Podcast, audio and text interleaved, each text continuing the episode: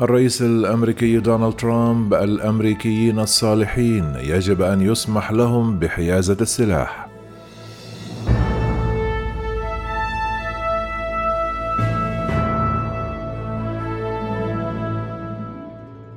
رفض الرئيس الأمريكي السابق دونالد ترامب دعوات للتشديد في قوانين اقتناء السلاح الجمعة في أعقاب مجزرة مدرسة تكساس معتبر أن الأمريكيين الصالحين يجب أن يسمح لهم بحيازة السلاح للدفاع عن أنفسهم ضد الشر.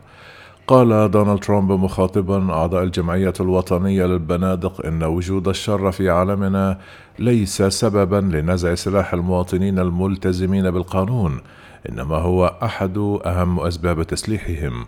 تأتي مشاركة الرئيس السابق في مؤتمر الجمعة الوطنية للوبي الأسلحة الذي يعقد في هيوستن وذلك بعد أيام على مجزرة مدرسة يوفالدي الابتدائية في تكساس حيث أقدم شاب على قتل 19 طفلا ومعلمتين بواسطة بندقية شبه أوتوماتيكية كما أضاف ترامب أن مختلف سياسات الرقابة على السلاح التي يروج لها اليسار لم تكن لتفعل شيئا لمنع الحادث المرعب لا شيء على الإطلاق. تلا ترامب أسماء جميع الأطفال الذين قضوا واصفا إياهم بأنهم ضحايا شخص مجنون خارج عن السيطرة قبل أن يعود للإشارة إلى الجهود المبذولة للسيطرة على اقتناء السلاح أمر غريب.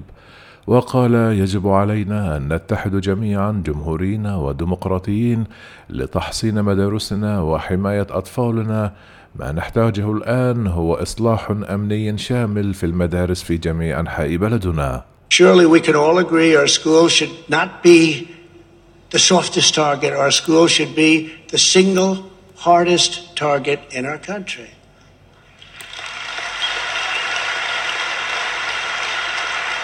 And that's why, as part of a comprehensive school safety plan, it's time to finally allow highly trained teachers to safely and discreetly concealed carry.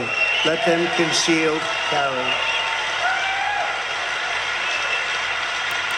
كما فضل حاكم ولاية تكساس الجمهوري غريك أبوت عدم حضور المؤتمر كما لفت في بيان إلى عدم مشاركة نائبه دان باتريك بهدف تجنب إثارة مزيد من الألم للعائلات. كما أعلن مسؤولون في البيت الأبيض أن الرئيس الأمريكي جو بايدن الذي انتقد لوبي الأسلحة الأمريكي بعد المجزرة من المقرر أن يصل إلى يوفالدي الأحد مع السيدة الأولى جيل بايدن لتقديم واجب العزاء. تعتبر الجمعية الوطنية للبنادق أقوى منظمة لحقوق اقتناء السلاح في الولايات المتحدة. وقد رفضت معظم المبادرات للمساعدة في الحد من الجرائم الجماعية ومن بينها تشديد التحري على خلفية مشتري الأسلحة. كما شهدت الولايات المتحدة الأمريكية 214 حادث إطلاق نار جماعي هذا العام وذلك وفق منظمة أرشيف العنف المسلح.